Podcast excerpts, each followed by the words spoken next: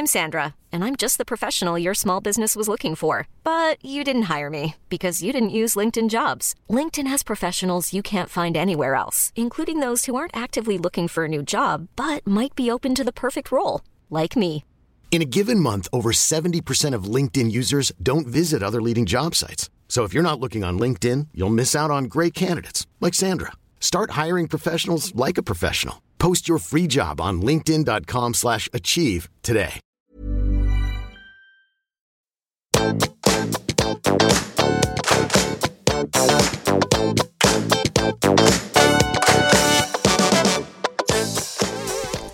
alle sammen, og velkommen tilbake til podkasten Karriereveiledning med Elaine. I ukens episode så kan jeg garantere deg at du kommer til å lære noe nytt. Eh, kanskje få noen aha-opplevelser, og ikke minst bli inspirert og motivert til å ta noen viktige grep. Kanskje både på egne vegne og på andres. Temaet for denne episoden her, det er rett og slett bærekraftig business. Og med meg har jeg noen fantastiske mennesker og forfattere av boken med samme navn, Maria Peltokangas, Runar Heggen og Tone Lise Forberg Skog. De har skrevet boken sammen på resirkulert papir.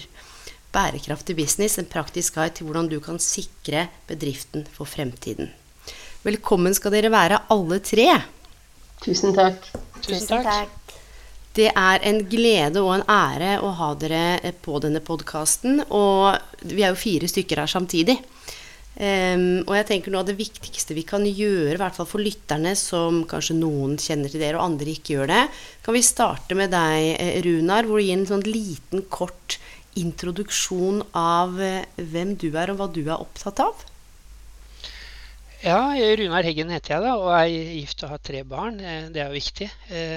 Og viktigst. Eh, Ellers så startet jeg Podium i 1993-94, eh, som jobber med arbeidsledighet. Eh, Og det var vel en start for meg hvor jeg tenkte at det her er viktig. Det her er Det treffer meg.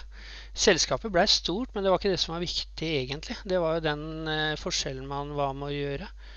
Jeg Startet også senere et selskap som i dag heter HR-huset, som også jobber med, med endringer, da. Eh, Og har også jobbet mye de siste årene, ti årene, med medarbeiderskap, som er den skandinaviske ledelsesmodellen, og skrevet bok sammen med professor Stefan, eh, professor eh, Stefan Tengblad og Johan Welten. Eh, Vi gir ut en ny bok, Johan og jeg, i disse dager, eh, sammen med Høgskolen Kristiania. Eh, Så veldig spennende, og det, det er noe som jeg er opptatt av. Hvordan har vi, En ting er å ha en jobb, og en annen ting er å, å, å, å ha det bra på jobb. Eh, Jeg kjenner hele tiden at det å ha et engasjement for noe som betyr noe mer enn deg selv, altså gjøre en forskjell, trenger ikke være stor, men noe, det kjenner jeg at eh, at eh, har vært en drivkraft, egentlig, hele veien. Og så var jeg så heldig å møte Tone Lise og Maria. Og når de ville ha meg med på det her prosjektet, så var det bare helt rett. Så det kjentes veldig bra. Takk. Det var en, en fin oppsummering også. og Jeg, jeg bare ble nysgjerrig på én ting. Er det, er det en eller annen hendelse eller noe på en måte som stikker seg ut? Det er sikkert mange ting, men hvor du kjente den der lille gnisten bli tent sånn ekstra? Altså I møte med noen, eller noe du observerte i et arbeidsliv, eller et eller annet hvor du tenker sånn Ok, dette her er litt sånn et, et sånn defining moment. Ja, Det er et veldig veldig bra spørsmål. Jeg tror uh, at jeg har flere sånne ting. Uh, uh, jeg tror det skjedde noe når jeg sto og skulle holde et lite foredrag i Askim for de som hadde mista jobben den gangen på Viking Dekk. Det var en hjørnesteinsbedrift. Og jeg følte at jeg kanskje kunne være med på å gjøre en liten forskjell. Der skjedde det noe. Så var jeg før det igjen, så en liten periode også leder i Forening for hjertesyke barn og samla inn midler til eh, fargedopplere for å kunne se om man hadde en hjertefeil. Og det liksom kjente jeg liksom Det, er, det her gir jo mening. Altså, det var jo fantastisk.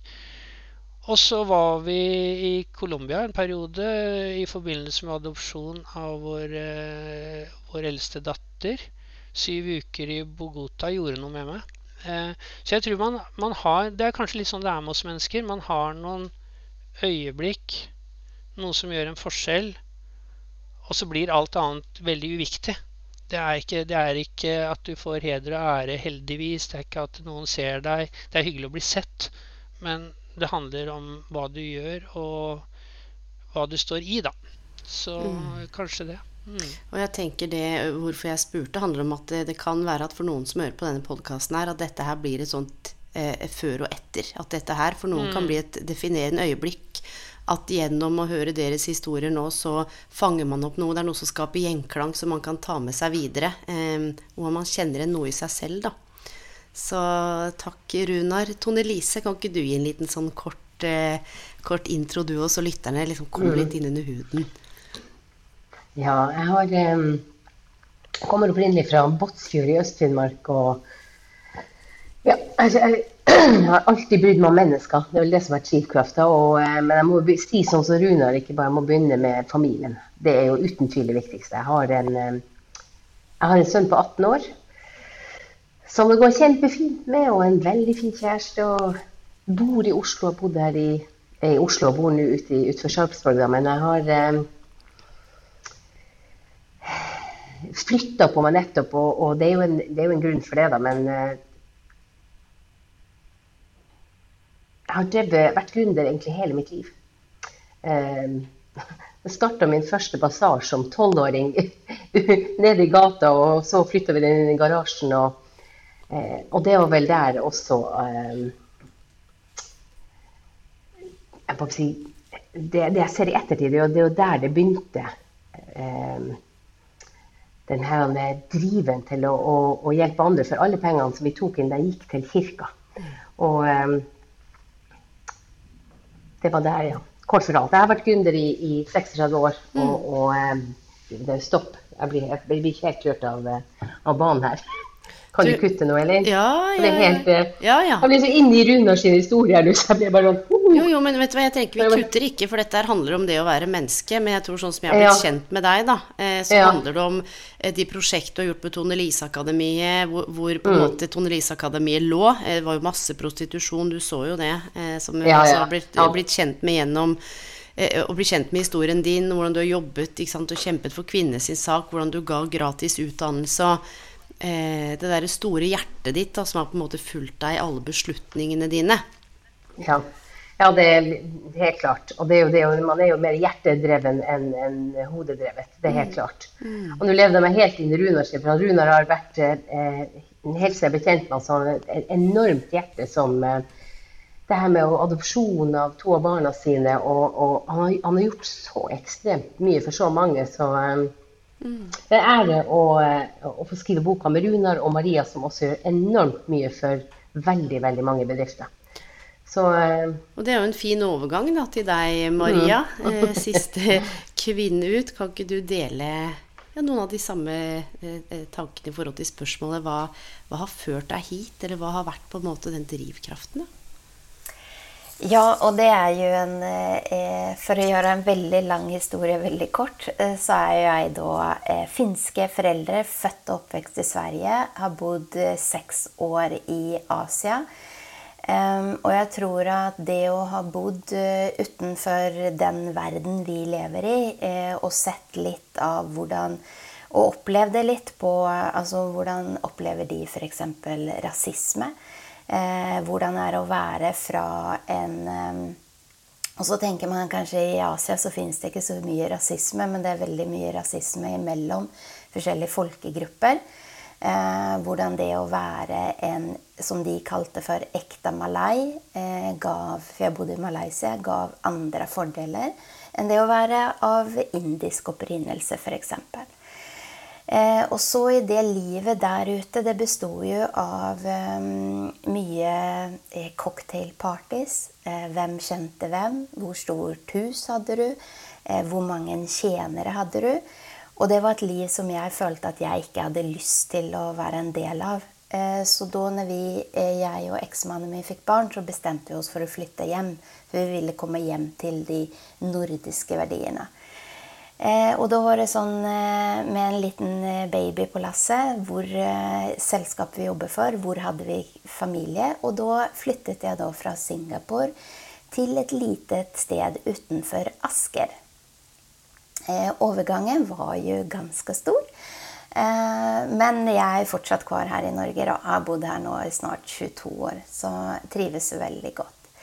Men så er det liksom sånn også når du ser Det ene var det personlige verdivalget jeg tok. da, ikke sant? Og så kommer du inn i den her bobla, ikke sant? fordi at du måtte få deg en jobb, eh, og så skal du liksom da, sånn som mange sier, gjøre karriere. Men så stiller du noen spørsmål, da. ikke sant? Hva er det du gjør? Så jeg eh, tok jo da en utdannelse i, i voksen alder. Eh, jeg begynte på en bachelor når jeg var 34 år. Fordi at jeg tok den enkleste videregående skole du kunne gjøre når jeg tok videregående skole i Sverige. Um, og, um, og, så jeg, ble jeg så heldig at jeg ble rekruttert inn til Aker Solutions. Uh, inn i en stilling som kommunikasjonssjef, eller Vice President Communications, som det så fint heter. Men det å jobbe så mye, uh, tjene veldig bra med penger, men det å liksom og så hadde DNV GL en reklamefilm som heter 'Why Do You Get Up In The Morning'.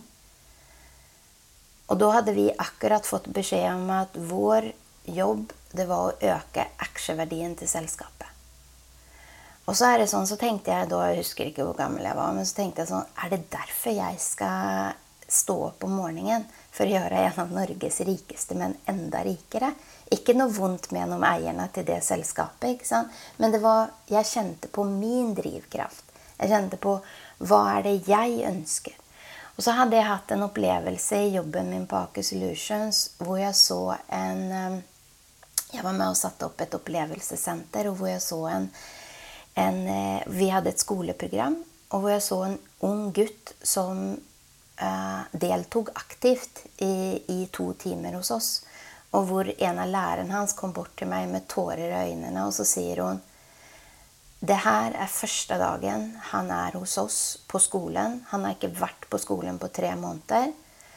Og jeg har under de to årene han har vært hos oss, aldri sett han snakke med noen han ikke vet hvem det er. Og han har stilt det i spørsmål tre ganger. Og da tenkte jeg sånn Shit, jeg kan være med og gjøre en forskjell. Jeg kan gjøre mer. Og da sa jeg opp jobben min i Aker Solutions.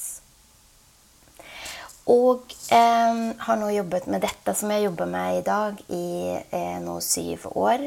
Eh, og det handler jo om å hjelpe bedrifter til å være best for verden, ikke være best i verden. Mm. Fantastisk. Og, tror, og, takk for at dere deler. Og jeg tenker det du sier med hva, hva kan eh, jeg gjøre?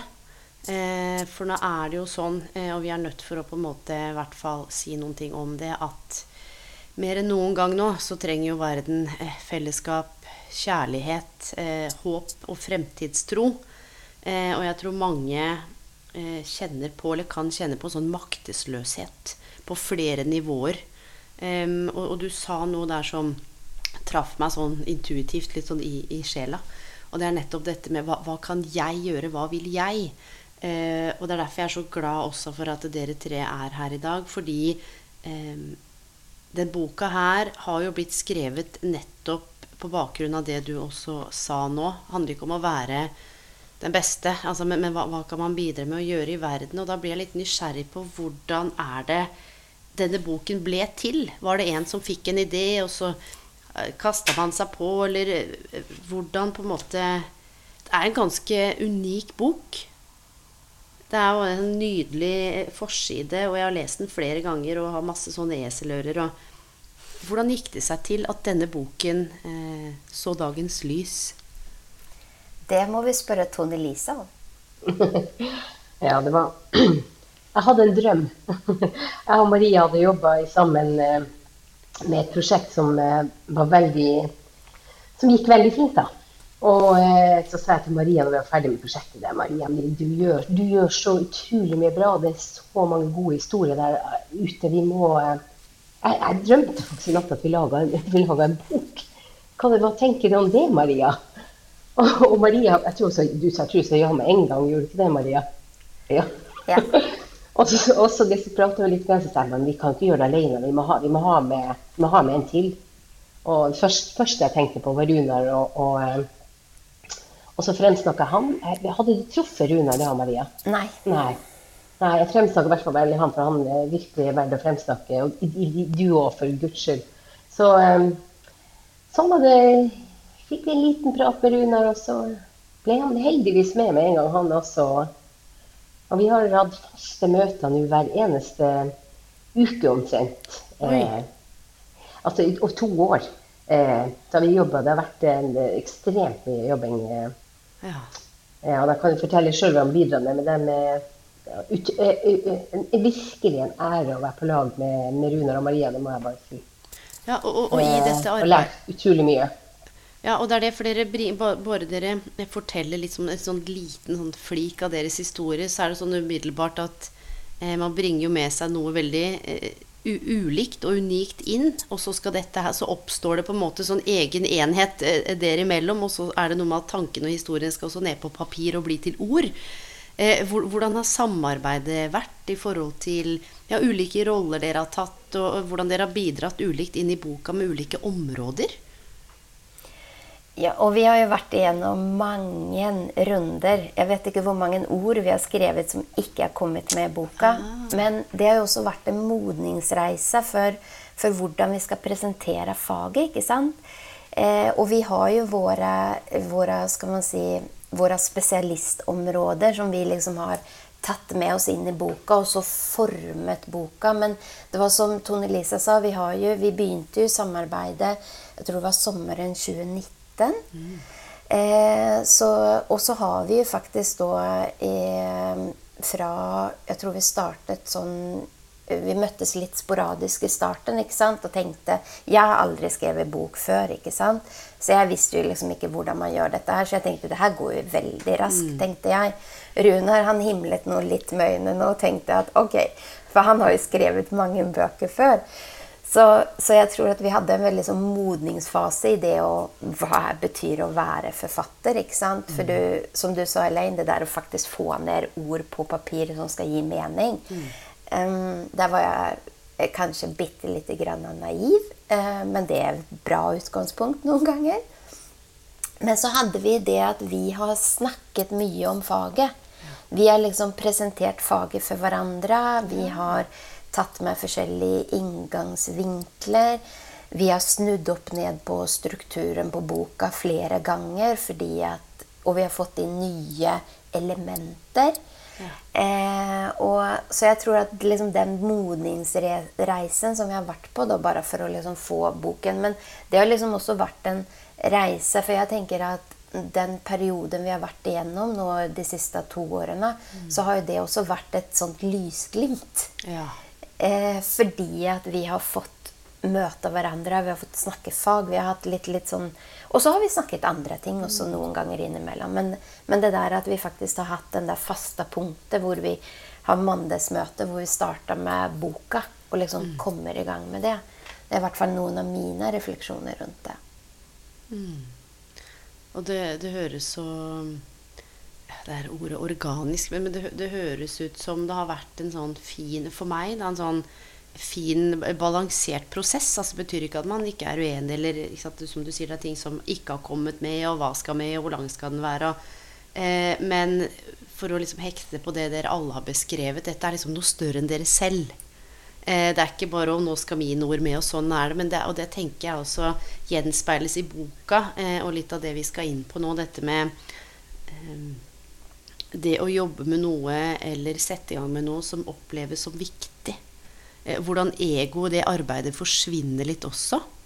Eh, det er i hvert fall det, en sånn opplevelse jeg får når dere snakker hver for dere, men også sammen. da, Den rausheten og ydmyken og, og respekten. Eh, som også Ja, som jeg har sagt, jeg har lest boka mange ganger, og jeg blir ettertenksom hver gang. Og jeg finner hele tiden nye ting.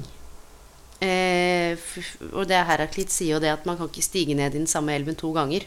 Eh, så hver gang jeg leser boka, så er jo jeg forandret meg. Om det så har gått en uke eller fem måneder, og så er det noe nytt som på en måte bare eh, stikker seg ut. Og det jeg tenker da For de som eh, syns dette med bærekraft eller bærekraftig For jeg har spurt en del mennesker hva forbinder du med det ordet, og for, for noen så er det bare et stort ord. Eh, som, litt sånn motord. Dette er et sånt buzzord. Nå er man bærekraftig, og man Det var veldig få som egentlig eh, hadde noe sånn begrep om hva det egentlig innebærer. Eller hva det kan bety. Så kan vi ikke starte med å ramme inn altså hva er, hva er, hva kan, hva er bærekraft? Hvordan er det dere ser på det? Maria? altså, vi har jo prøvd å I boka så, så en, en, viktig drivkraft for oss alle tre, det er eh, budskapet om at alle kan være med og bidra. Og for at alle skal kunne være med og bidra, så må de forstå hva dette betyr. Og eh, da har vi prøvd i boka å skrive det vi kaller for, som vi fikk eh, hjelp av Eller som vi, hør, vi hørte i et av intervjuene våre, det å skrive menneskespråket. Mm. Det, og det har vi alltid vært Det er vi opptatt av alle tre. ikke sant? At du, vi skal ikke vi skal liksom ikke prøve å skrive en akademisk bok som skal være på et visst nivå bare for en liten gruppe, men vi ønsker å skrive en bok som er for bedriftsledere ikke sant? Eh, og medarbeidere i bedrifter. Så da har vi prøvd å øh, så, så, egentlig så for oss da, så handler bærekraft det handler om å ta gode valg.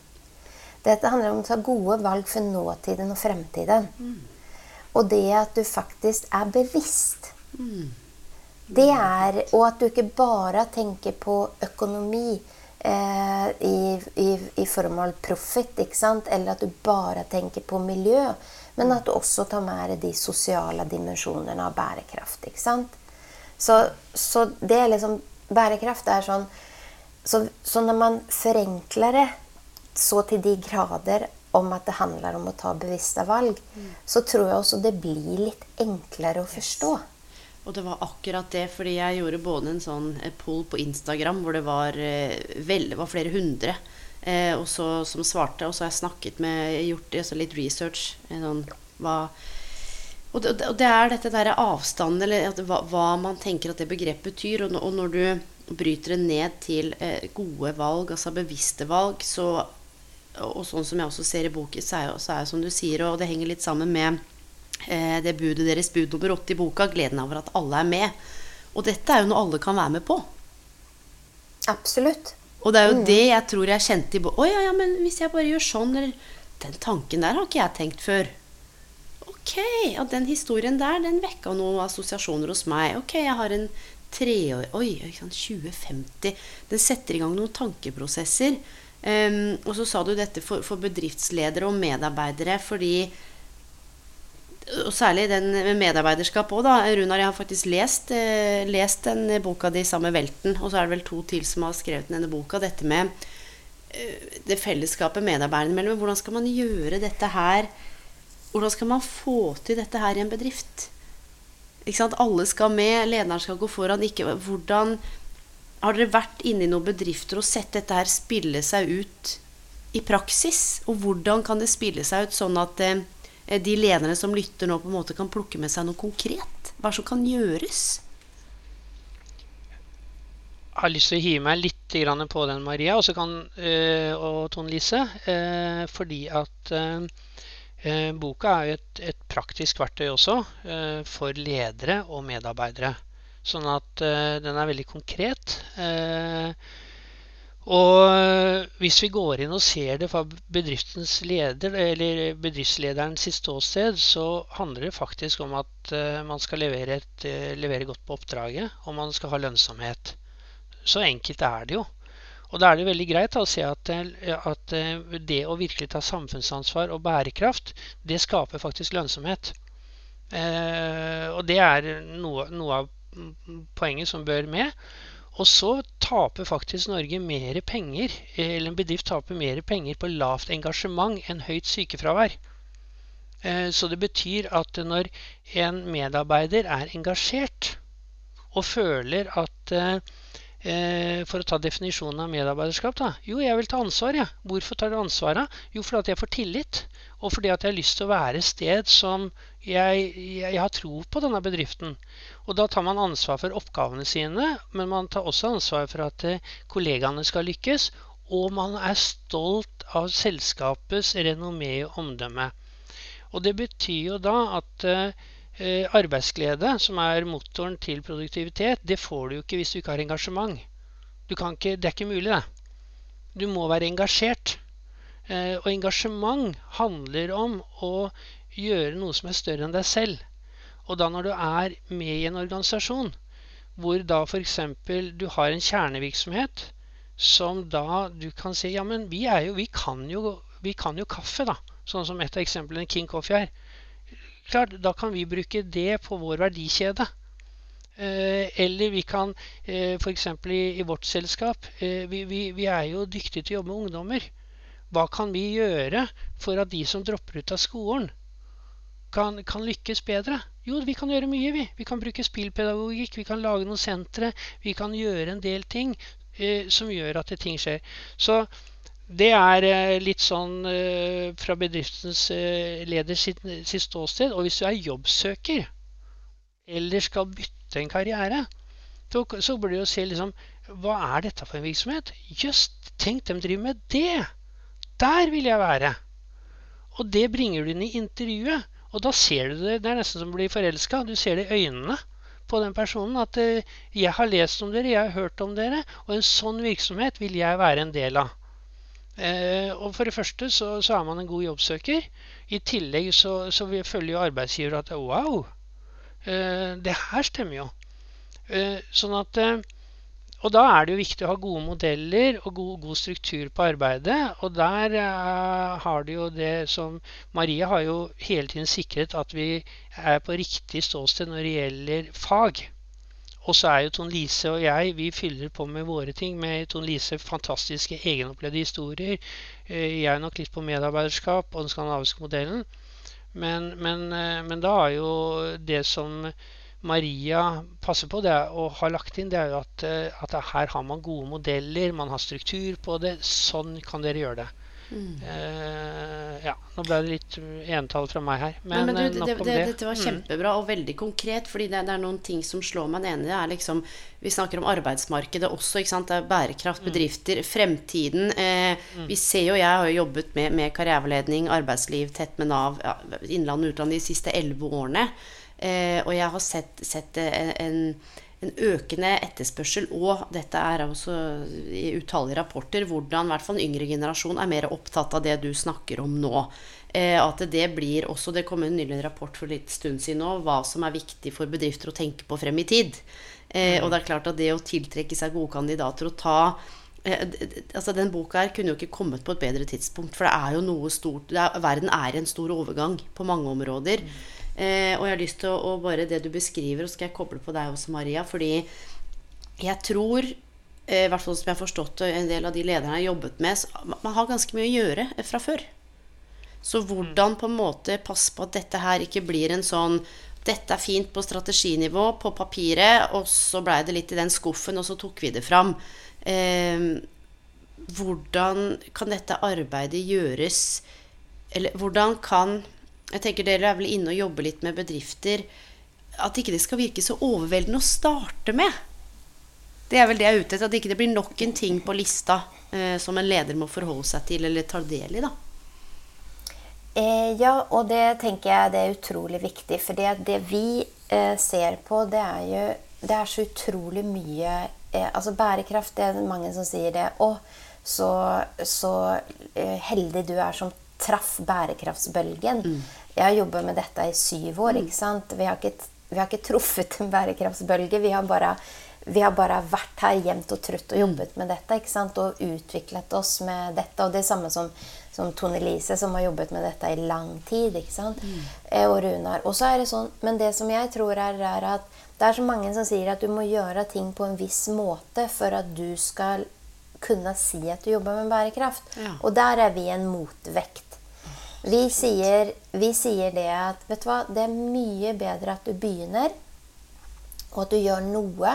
For at den drivkraften og den energien og den, det engasjementet som du kjenner på når du begynner, mm. det skaper eh, energi til å gjøre mer ting. Ikke sant? Og så kan du da begynne med at du liksom ikke Du trenger ikke å ha en sånn type Hva skal man si? Eh, du må ikke gjøre eh, Du må ikke gjøre et prosjekt og utarbeide en bærekraftsstrategi på 200 sider. Nei. Det er mye bedre at du lager en handlingsplan som sier ok, hvis vi skal ta fatt på ett område, hva er det mest vesentlige for oss? Ikke sant? Hvis man ser på bedriften, da, ikke sant? Og, så, og som vi snakker med, så sier man ok, men vi har Ta et eksempel. Vi har masse serviceteknikere, en bedrift som har masse serviceteknikere som er ute og kjører bil mye. Ok, Men hvordan kan vi eh, fase ut de eh, fossildrivne bilene vi har, til å begynne å jobbe med eh, biler som har et bedre klimaavtrykk enn de bilene, f.eks. Og da når man ser, at man begynner å jobbe med sånne type tiltak, så begynner man da å tenke etter. Ok, men hva kan vi gjøre på dette området, og hva kan vi gjøre på dette området? ikke sant? Og så knytter man det sammen eh, til, eh, til, å liksom Ok, men hvordan er det vi jobber, da? Og prøver å få For det er en ting som vi har sett da når vi jobber mye med bedrifter, er at bedrifter jobber mye allerede med bærekraft i dag. Ja. Det er bare at de ikke vet om det. Mm. Fordi de tror at bærekraft bare handler om klima og miljø. Yes. Så hvis du f.eks. tenker at du er en lærlingbedrift mm. ikke sant? Så sier vi det at når du er en lærlingbedrift, så jobber du faktisk med bærekraftsmål nummer fire. Altså FNs bærekraftsmål nummer fire er god utdanning. Mm. Fordi at du sikrer at uh, de lærlingene du har hos deg, får fullføre utdanningen sin. Yes. Og når du som bedrift får vite at oi, vi er faktisk med på å jobbe med bærekraftsmål nummer fire Eh, vi er med på å bidra til noe som er større enn oss selv. Det er en av Norges største utfordringer. er jo drop-out av videregående skole. ikke sant? Og da ser vi at de anstrenger seg litt mer. De, får, de, de, gjør litt mer. De blir litt mer stolt over at de faktisk er en lærlingbedrift. Jeg tror akkurat så konkret eh, og så ganske eh, fint rammet inn, da eh, hvor mange som egentlig eh, Også til dere som lytter nå, både på individnivå og organisasjonsnivå, liksom implikasjoner på samfunnsnivå eh, Kanskje starte med å ta en titt på, som du sier, hva man allerede gjør. Er det noe man kan forvalte eller foredle der? Eh, at ikke det alltid handler om å finne opp kruttet og starte ti ulike altså prosjekter. For det jeg ofte har sett, er jo nettopp det at eh, nå må man henge med, og det er noen planer og vyer og visjoner, men så blir det på en måte aldri operasjonalisert ordentlig. Og hvem skal ta ansvar for hva? Og da lurer jeg på Er det um, Kan det være lurt, og dette er et merkelig spørsmål er, er det sånn en bærekraftsansvarlig? ikke sant? Alle sitt ansvar, og alle skal med. Eh, opprette noen bærekraftstillinger. Hvilke tanker har dere om um, det vil komme noe, eller det er jo også noen type rolle knytta til å ha fokus eller holde i disse trådene da, innad i organisasjoner? Eh, ja, og der tenker jeg sånn at det kommer veldig an på kulturen i bedriften. Ja. Eh, det kommer jeg, jeg, tror at noe av det eh, som ikke er så lurt å gjøre, det er jo å legge det, det er som vi ser mange bedrifter gjør. Sier vi må gjøre noe på bærekraft. Alle andre gjør det. Og, og blir de superstressa. Så tenker yes. de nå må vi også gjøre noe. Og dette her, dette må, hvem, og så sitter man rundt lederbordet. Og så sitter man rundt lederbordet, og så ser man liksom Lederen ser oftest rundt, og så tenker man Hvem er det som har snakket noe om det her med klima- og miljøting? ikke sant? Og så Noen ganger kan man gjøre det på den måten. ikke sant? At man sier at å, men du er jo opptatt av sånne der miljøting. Kan ikke du ta på deg bærekraft yes. også? Ikke sant? Eller så legger man det på en rolle som f.eks. markedssjefen-rollen. Mm. For de sier vi må snakke mer om bærekraft. Ja. Og så legger man det på det. Noen legger det på HR, for de sier at vi med, må få med oss medarbeiderne. Det er jo litt bedre. Men jeg tror at man skal tenke på ikke det her at man skal ok, vi må liksom bare være med, og vi må legge det på noens eksisterende rolle. Men da må man finne ut av ok, hvordan kan vi gi rom? Hvordan kan vi gi plass? Sånn at det ikke blir den her, eh, bare den her kan du, Det her venstrehåndsarbeidet. Kan du, kan du også ta den der bærekraftsgreia? Yes, for det er det jeg har sett, og jeg har opplevd det nå i større grad også, skal slippe deg til Runar, i karriereveiledning, hvor noen har vært så overveldet av eh, disse dobbeltrollene, eller flere karrierene innad i organisasjonen, som er helt supert. Og man har til og med sagt ja, men det kan jeg, eller dette brenner jeg for. Eh, og så er det noe for meg som skurrer litt i forhold til også kompetanseheving, og hva det faktisk innebærer. Du, så du hadde fingeren oppe, Rune? Runar? Ja, eh, fordi at eh, Det er veldig spennende det vi prater om nå. For det at eh, det å, Og vi prater om kultur. For det er mange da som tenker på at ja, da må vi involvere medarbeiderne. Og så tenker man på det som et motivasjonstiltak. Men det er feil. For involvering handler om beslutningskvalitet. Eh, og det betyr at eh, ved å involvere så må man også som leder slippe opp kontroll og gi handlingsrom. Eh, og det gjør jo at en leder kan føle seg utrygg. Eh, en leder trenger å ha kontroll, men trenger ikke å kontrollere. Altså, medarbeidere må være med og ta ansvar for den sårbarheten. Og de fleste som leder gjør ved å involvere. Eh, og de fleste virksomheter er jo små og mellomstore. Men dette gjelder jo også for store organisasjoner. For da plutselig kan det starte eh, grupperinger. Det kan være oppgaver, det kan være medarbeidere, det kan være arbeidsgrupper. Eh, det kan organiseres på flere måter. Og det kan til og med hende at eh, ledelsen har lite kontroll på hva som skjer, men man har, skal ha en fot i bakken på et eller annet tidspunkt, og så kommer det forskjellige typer innspill. Og så blir det eierskap, fordi at det handler om tre nivåer å ta ansvar for. Det ene er at du gjør en plikt, så viser du ansvarlighet. Mm. Men det tredje nivået er at du tar initiativ. Eh, og da kommer det gode initiativ fra medarbeidere. Og det er initiativ som gir eierskap. Og da mm. skjer det noe. Mm. Eh, for da kan du koble det til de rollene du allerede har. Og det skjer på flere steder. For ledelsen er jo totalt sjanseløs. Eh, men får du 600 mennesker til å eh, mene noe, så skjer det noe. Mm. Så dette er, er faktisk eh, eh, krevende. Men eh, da må alle være med. Og jeg tenker sånne prosesser eh, kan være starten på også god kulturbygging. Og det gjør noe, for når folk tar initiativ, så er vi inne på det på engasjement igjen. Og så treffer vi til og med mm. båndlinja på en hyggelig måte. Så det er, et, det er, en, det er en, større uh, prosess. Mm. Ja, og det er et ord som dukker opp, som du også nevnte, eller alle dere eh, nevnte innledningsvis, eh, eller som lå der, også dette med mening. Dette at mm. noe er meningsfullt. Eh, og det er også forsket på, bl.a. fra USA, dette med at det er tre nivåer å ha eh, å tenke om karriere eller jobb på. Det første nivået handler om å ha en jobb Eh, hvor du egentlig ikke bryr deg så mye, men du er bare interessert egentlig i pengene. Og så vil du ikke at jobben skal eh, påvirke så mye av fritida di. For kanskje du har andre ting utenom. At du kanskje jobber frivillig eller gjør noe som er viktig for samfunnet. Eh, uten at det trenger å være i, i jobbøyemed. Sånn åtte til fire, få pengene mine. Og så er man opptatt av de andre arenaene i livet.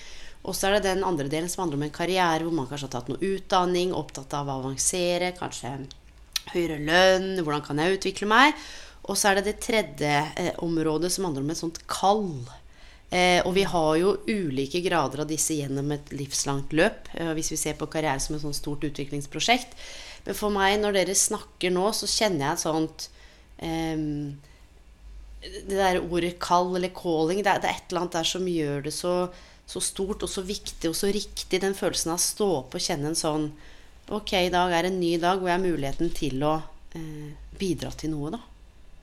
Eh, og jeg tror nettopp der kan du få medarbeiderne, Runa, fra kanskje bare den jobben åtte til fire, eh, mm. til å kanskje få åpne blikket for at ok, så det jeg produserer, eller måten jeg produserer det på, eller Oi, dette er faktisk av betydning for hva som foregår eh, for andre steder eller andre mennesker i verden. Jeg tror veldig få, eller det er ikke så mange alltid som forstår eh, omfanget av eh, hva arbeidet deres egentlig kan bety.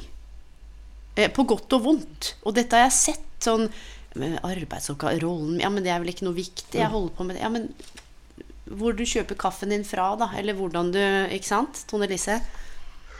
Ja, jeg har drevet skole i, i, nesten 30 år, og, og eh, jeg så jo det her på eh, Når vi jobba i forhold til menneskene i prosjektet, hvordan de ansatte Eh, det var, det var veldig mye bølgedal, spesielt i begynnelsen, når de ikke skjønte egentlig hva de egentlig jobba med. ikke sant? Og når jeg gikk inn i dybden og snakka med hele teamet, da, og snakka om eh, Er dere klar over hva, hvor kvinnene kommer fra? Er dere klar over hvor viktig det er akkurat det dere gjør der? Hensyn, kjærlighet, omsorg. ikke sant? Se dem. ikke sant? Jobbe med hjertet deres. Altså Hele miljøet vårt endra seg på kort tid. Vi jobber jo sånn med studentene. Men det her ble liksom en enda høyere calling eh, når, når, de virkelig skjønte hva, hvor utsatt kvinnene var. Og, og, da det, fikk det en helt annen mening, og det ble meningsfullt. Mm.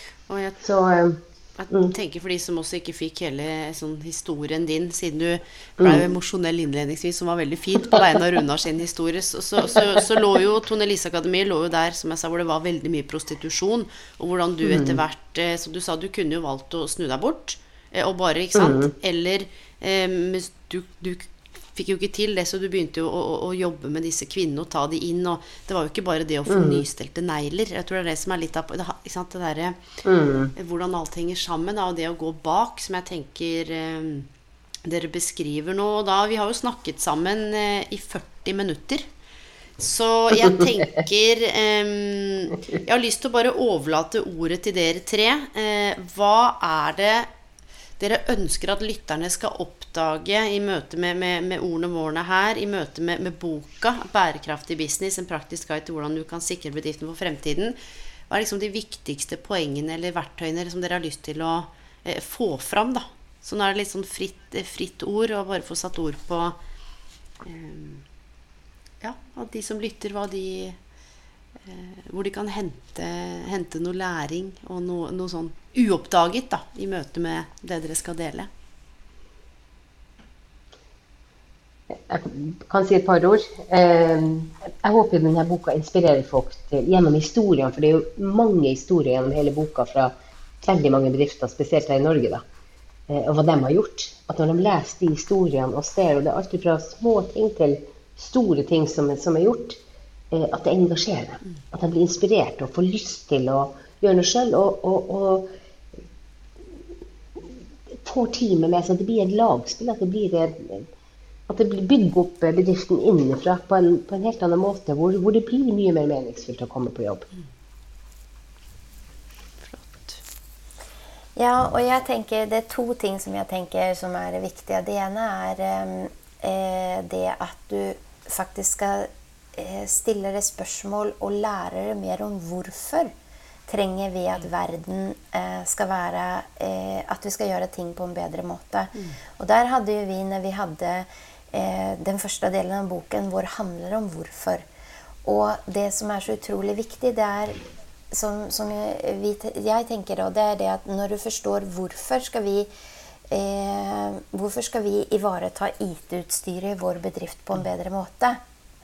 Og du forstår ok, men vet du hva, vi har faktisk problemer i verden, for vi, vi mangler metaller og mineraler.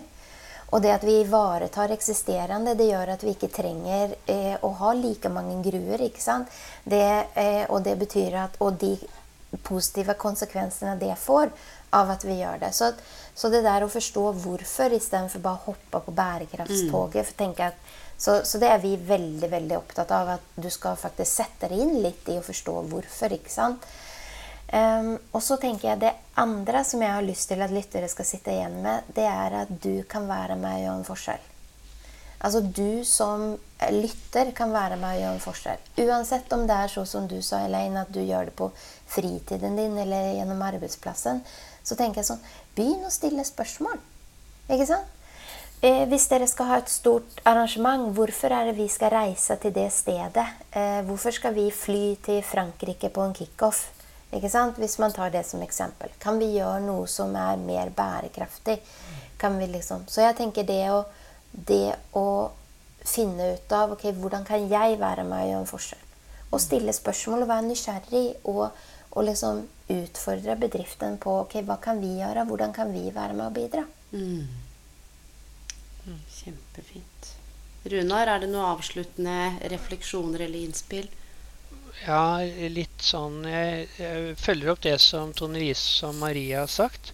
Og så tenker jeg også i forhold til en arbeidsplass så handler det veldig mye om mot. Det å tørre å Tørre å gjøre noe. Tørre å, og at du har et miljø hvor det er lov å tørre.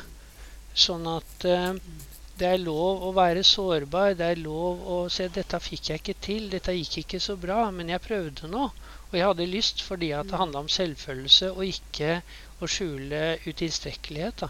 Eh, sånn at eh, har man organisasjoner som tør det, og mot sårbarhet, og ha det derre samspillet mellom både medarbeidere og ledere som, som, også er forpliktende og profesjonelt, men som gjør at uh, man da tør å, å, gjøre det som kanskje ikke er litt ukjent. Eh, og så kan det etterpå være Og så tror jeg ikke vi skal være redde for å vise fram det. Og hvis noen sier at ja, men dette er ikke perfekt Nei, det er ikke det, men vi er på vei. Jeg tror folk gjenkjenner de som prøver å lure seg til en tittel, og de som gjør mm. noe ekte og ærlig, men kanskje bomma litt på første forsøket, da. Ja, men det har vi da mm. all mulig re respekt og anerkjennelse for. Sånn at eh, får vi til sånne miljøer, så tenker jeg at da får vi store organisasjoner hvor, hvor man, man, man, man, kjenner på yrkesstolthet. Altså. Det, og det er et fint ord. Mm. Eh, for vi prater om et arbeidsliv. Og jeg, bare, jeg, tenker at det er viktig å poengtere at alle kan være med å bidra. ikke sant? Vi jobber med eh, bedrifter som er tre ansatte, til bedrifter som er flere hundre ansatte. ikke sant? Mm. Men og det er litt morsomt, for det er jo noen ganger så er det liksom Hvis du er liten og smidig, så, så kan du faktisk være med og gjøre en større forskjell enn hvis du er en stor organisasjon, fordi at man har så mye rutiner og prosesser. Så ikke tenk at du er for liten for å gjøre en forskjell. Det tror jeg er også viktig. ikke sant? Og du kan også være liten og smidig i en stor organisasjon. For jeg er veldig fan av rebellbegrepet. Mm. Eh, og det å faktisk være litt sånn eh, rebellaktig. Og liksom det å gjøre ting litt annerledes og utfordre litt. ikke sant? Mm. Eh, så, og der er vel kanskje eh, Runar, som da har hatt meg og Tone Lise, som begge to er litt rebeller i bokskrivingsprosessen. mm. Men jeg tror det jeg tror den, den, respekten og den dynamikken dere har Nå sitter vi jo digitalt, da, men det er så fint å, å observere. Eh, og også på en måte kjenne på. Og jeg har lyst til å eh, Sånn at dere kan få fortelle lytterne hvor er det vi kan kjøpe boken, og hvordan kan man eh, få noen kompetansehevende tiltak? Er det noen, Kan man kontakte noen av dere? Er det noe kurs? Kan vi sertifiseres? Kan ikke dere bare gi en liten sånn her fins vi. Eh, ja, og vi har jo lagt ut boken ligger, Mer informasjon om boken ligger på corpgood.com slash bok. Eh, den går an å kjøpe. Vi har valgt å selge ho hovedsalgskanalen våre Bokis. Det er en mm. bokhandel som også selger brukte bøker. Hvor du faktisk kan gi royalty til forfattere når du kjøper brukte bøker. Så vi har liksom tatt et bevisst valg rundt det. Men boken vår går å kjøpe i de fleste nettbokhandler rundt omkring i, i Norge. Vi holder jo foredrag alle tre. ikke sant? Med Sammen eller hver for dere? Eller med, uli, med ulike utgangs... Altså med ulik innfallsvinkler? Begge deler ja. okay. eh, gjør vi. Eh, så, så, vi eh, i, i, forhold til bærekraftig business, ikke sant eh, Tone Lise er utrolig sterk på det med gründerskap, mm. engasjement yes. hos eh, medarbeidere. ikke sant? Runar er superdyktig på det med medarbeiderskap, bygge team. Hvordan får du med deg eh, helheten i, blant de ansatte. ikke sant? Eh, og jeg er kanskje den som er den litt mer sånn praktiske fem steg til å komme i gang med bærekraft i din bedrift. Ja. Som kan høres litt sånn eh, tørt og kjedelig ut, men det er jo også fordi at du trenger ikke å gjøre det så vanskelig. Så, Maria er ikke tørr og kjedelig. men, men det, så vi har litt forskjellig utgangspunkt. Men jeg tenker det å, det å connecte med oss på LinkedIn Vi er yes. alle tre aktive på LinkedIn. Flott. Connecte med oss der, stille oss spørsmål. Mm. Eh, og framfor alt så er vi på jakt etter nye eh, historier. Så hvis du ah. tenker at min bedrift Ja, men jeg har lyst til at min bedrift skal være med i neste utgave av boken, ta kontakt med oss. For vi samler på gode historier. Du, det er jo helt fantastisk. Og jeg har lyst til å si for lytterne altså denne boken er 'Bærekraftig i business' handler om å gi altså, din virksomhet. Da. Jeg tenker Hvis du er medarbeider som lytter, så, så, så vis denne her til, til, lederen din. Altså boken. Og kanskje du er leder også. Ja, så, så del den med, med medarbeiderne eller de andre i ledergruppa. For den handler om altså, konkrete verktøy for å lykkes med bærekraft og ta dette samfunnsansvaret. Og det som er så fint med boka, at den er lagt opp på en sånn måte at du både, som du sa, Maria, får en forståelse for hvorfor, hvorfor i det hele tatt skal man bry seg om dette. Hva, hva er det som gjør at dette er viktig? Og eh, hvordan? Og jeg liker også de ulikhetene som, er, som, det, som, måte, som, syns i boka, fordi det er både oppdatert relevant kunnskap, det er historier, det er veldig spennende perspektiver. Eh, og sånne konkrete råd som du var inne på, hvordan du praktisk kan implementere dette, så ikke det blir så svevende. At man har lest en bok, og så må man eh, prøve å tenke ut alt sjøl eh, hvis, hvis, dette er fremmed. Så det som er så fint, og dere har jo ti bud, og de første fire budene handler jo om hvorfor, eh, og resten handler om hvordan. Og det kan man jo finne ut av når man kjøper boka. Hæ? Ja. Tusen takk for, eh, for, tiden deres. Ja.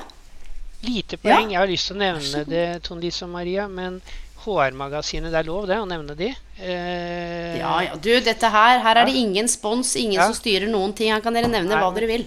Det er hyggelig, for at, eh, jeg syns HR-magasinet gjør noe veldig fint. De har bestemt seg for mm. å skrive om bærekraft og samfunnsansvar i hver utgave nå i i, i, hele 2022.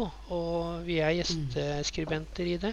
Men eh, jeg syns jo det er lov å, å, løfte fram det. Det var et stort stykke nå i første utgave, og det kommer et nytt et nå i april. Så jeg syns de fortjener den. Mm.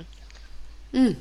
Du, helt nydelig. Og jeg bare helt sånn avslutningsvis uh, fikk jeg én liten tanke vi skal bare løfte fram. For jeg vet det er veldig mange karriereveiledere også som hører på denne podkasten, og en del professorer. Og det er liksom Sverige, Danmark. Det er ikke bare her i Norge. Um, karriereveiledningsfagfeltet, og liksom du var inne på, Runar, også dette med jobbsøk. Uh, den rollen karriereveilederne kan spille i, uh, og kanskje utgjør en forskjell når det kommer til å utjevne sosiale forskjeller. sånn at dette med arbeid, dette med inkludering, utenforskap, det er en sånn Eh, der tror jeg det er veldig mye å hente, veldig mye å gå på. Og der er det en eller annen sånn upløyd mark som jeg kjenner eh, rokker ved noe i hjertet og sjela mi. For der er det veldig mye å hente inn i møte med Nav og samarbeide med eh, de som eh, er utenfor arbeidslivet og skal inn. Drop-outs altså Her er det noe som er svært, altså. Mm. Som på en måte er litt sånn untapped. Mm. Um, og jeg tror det der samfunnsansvaret for karriereveileder også, hva er det man bidrar til på sånn systemnivå? Hva er det jeg er med på å opprettholde? Hvor rebelsk er jeg i forhold til å kanskje bryte ulike barrierer, som var inne på, strukturelle barrierer? Eh, hvilke biaser og sånn heuristikker er det jeg har med meg i møte med hvert individ? Hvem sin agenda er det jeg holder? Hvilke jobber er det jeg tenker er viktig? Det er så mye her at eh, og dette her eh, tenker jeg blir en sånn motorvei. hvor de kjører bare elbiler, altså, dere. Eh, inn i fremtida. Eh, som, hvor vi, jeg tror vi kommer til å se noen endringer etter med sosial rettferdighet og fag i karriereveiledning også. Håper jeg, da. Ja, det tror jeg er helt riktig. Og det ja, som du sier, det der å tenke etter hvordan kan jeg være med å bidra i min rolle? ikke mm, sant? Mm, mm. Og det siste jeg har lyst til å si, det er at vi har jo Siste budtid, det er jo jubel og gode historier. Yes. Og det har vi jo bevisst, bevisst valgt å kalle for det. Fordi at når du da som karriereveileder gjør en god ting, mm. husk å dele det. Husk å fortelle om det. Husk å være stolt over det. Mm. Slik at du er med å inspirere andre. Mm. til å gjøre gode valg. For det er sånn som hvis du gjør en god ting, ikke sant? så er det den Husk at det, det er eh, ikke, ikke, liksom, ikke, tenk at nei, men 'jeg kan ikke si noe om dette her, for det her er så lite'. ikke sant? Men mm. husk at du er med å inspirere andre til å gjøre gode ting. Så det er veldig viktig. Du, det, det, der er også veldig interessant, fordi bare for å koble på når jeg ble intervjua av Dagens Næringsliv, det kommer noen sånne greier i Lørdagsmagasinet. Eh, og da kom vi inn på Jeg gjør en del arbeid pro bono, altså sånn rundt nettopp det vi snakka om nå, som ingen veit. For jeg har ikke hatt noe behov for å eh, Jeg har ikke lyst til at det skal være en sånn 'Å, kom og kjøp tjenestene mine, se hva jeg holder på med'. Det har mer vært en sånn litt sånn hjerte, da. Altså Tone Elise, sånn 'Dette gjør jeg Eh, fordi jeg kjenner at det er viktig.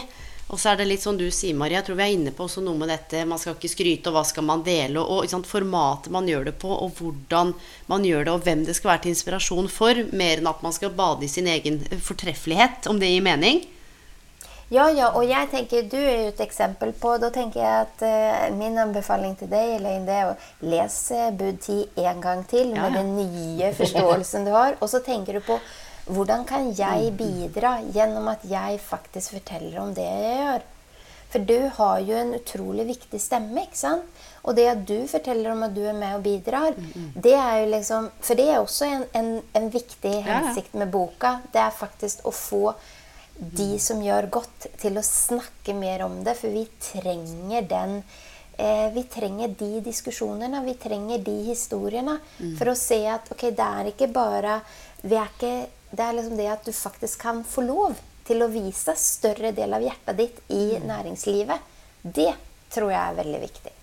Og det liker jeg. Det er dette med, som du var inne på også, Runa, dette sårbarhet, raushet, altså kultur, fellesskap. Det å våge å være, da. Eh, og hvordan dette med opplevelsen av hva slags verdi man har, eh, handler mye mer om sant, hva du presterer og dine, men mer hvordan vi kan bidra. Eh, ute i. Og jeg tror du er inne på noe viktig også. Dette har vi jo sett og jobbet med jobbsøker. Og dette med å fortelle sin egen historie, eie sine egne narrativer, hvor langt det sitter inne. Og jeg tror, eh, for å avslutte, og litt sånn som vi snakket om etter innledningen nå, at verden jeg liker den oppfordringen eh, på mange plan, fordi verden trenger også eh, godhet og kjærlighet og de gode historiene. Og ikke alt som ikke fungerer, og, og alt som er vanskelig og vondt. Men hvor man også kan sitte rundt middagsbordet og løfte fram de tingene her, da.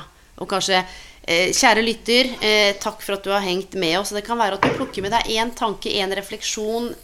Noe som gjør at dette her kanskje blir et samtaleevne ved middagsbordet, på kafédaten, i morgen ved kaffeautomaten eller i lunsjen. Og begynne å se på hva er det jeg kan gjøre? Hva er det som allerede kanskje gjøres der du jobber?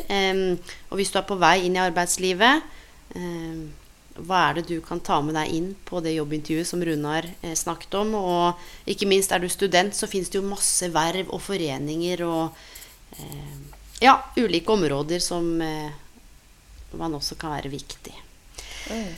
Tusen takk, alle tre, for tiden deres og refleksjonene. Og jeg holder liksom oppe boka. Det hjelper jo ikke det, for dere ser jo ingenting. Men er, det er en helt sånn nydelig resirkulert papir.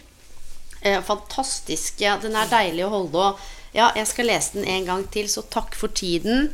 Gleder meg til å se mye mer av eh, disse fotavtrykkene fremover. Og håper at eh, det kommer en, en bærekraftig business part two en dag i fremtiden.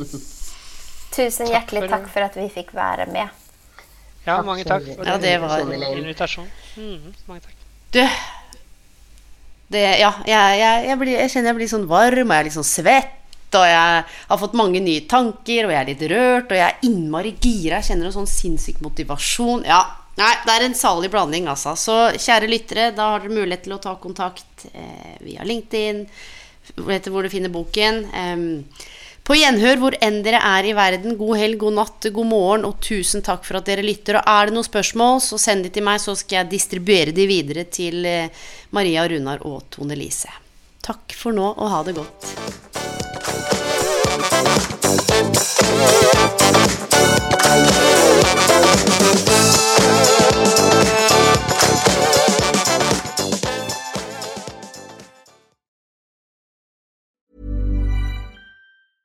Even on a budget, quality is non-negotiable. That's why Quince is the place to score high-end essentials at 50 to 80% less than similar brands. Get your hands on buttery soft cashmere sweaters from just 60 bucks, Italian leather jackets, and so much more. And the best part about Quince, they exclusively partner with factories committed to safe, ethical, and responsible manufacturing. Elevate your style without the elevated price tag with Quince. Go to quince.com slash upgrade for free shipping and 365-day returns. My business used to be weighed down by the complexities of in-person payments. Then, Tap to Pay on iPhone and Stripe came along and changed everything. With Tap to Pay on iPhone and Stripe, I streamlined my payment process effortlessly. Now I can accept in person, contactless payments right from my iPhone. No extra hardware required. What's truly remarkable is how I can cater to all of my customers' payment preferences. Whether they're using cards, Apple Pay, or other digital wallets, Tap to Pay on iPhone and Stripe ensure a smooth checkout experience every time. And it's not just me. Stripe helps businesses of all sizes, from local markets to global retailers, scale quickly and stay agile. To learn how Tap to Pay on iPhone and Stripe can help grow your revenue and reach, visit stripe.com/tapiphone.